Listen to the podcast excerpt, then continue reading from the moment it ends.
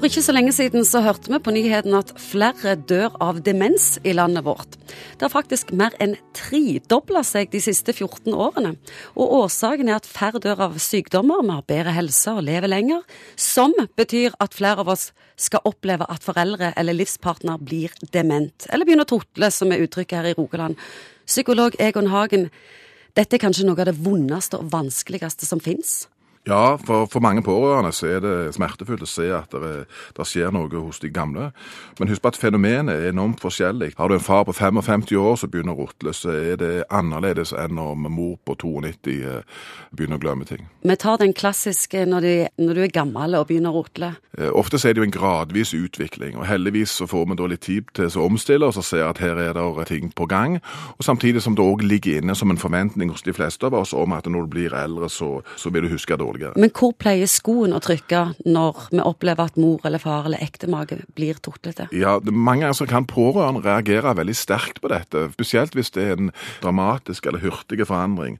Noen kan òg oppleve at de ikke blir gjenkjent sønn eller datter, og det kan oppleves ganske sårt egentlig for pårørende å se egentlig at de, de kan miste egentlig sine, sine foreldre mens de fortsatt er i live.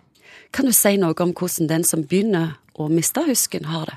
Alderdomsdemens er ofte en snikende forløp, eh, og det er jo ofte sånn at det er de nye tingene som forsvinner. altså Innprentingsevnen, evnen til å håndtere ny informasjon og legge ny informasjon opp på den gamle. Ofte kan det jo være forbausende hvor mange ting de husker fra, fra, tidligere i livet. Og det er jo sånn for de fleste av oss at etter hvert som vi blir eldre, så blir jo faktisk noe av det som har skjedd tidligere, bare viktigere og viktigere. Hvordan snakker en om dette? Hvordan takler en dette best mulig? Det å være direkte i forhold til disse tingene, det å lære seg å bruke ei notatbok, skrive opp ting. Jeg vet at noen lager et sånt bilde av familiemedlemmene. og Alle disse husketeknikkene som vi kan bruke for at vedkommende sjøl eh, skal liksom holde fast på sin egen identitet. Så det å ha bilder av seg sjøl i ulike livsfaser kan jo få historien til å henge sammen på en annen måte. Det er mange måter å håndtere et tema på uten at du på en måte forsterker eller skaper en følelse av nederlag hos den det gjelder, selvfølgelig.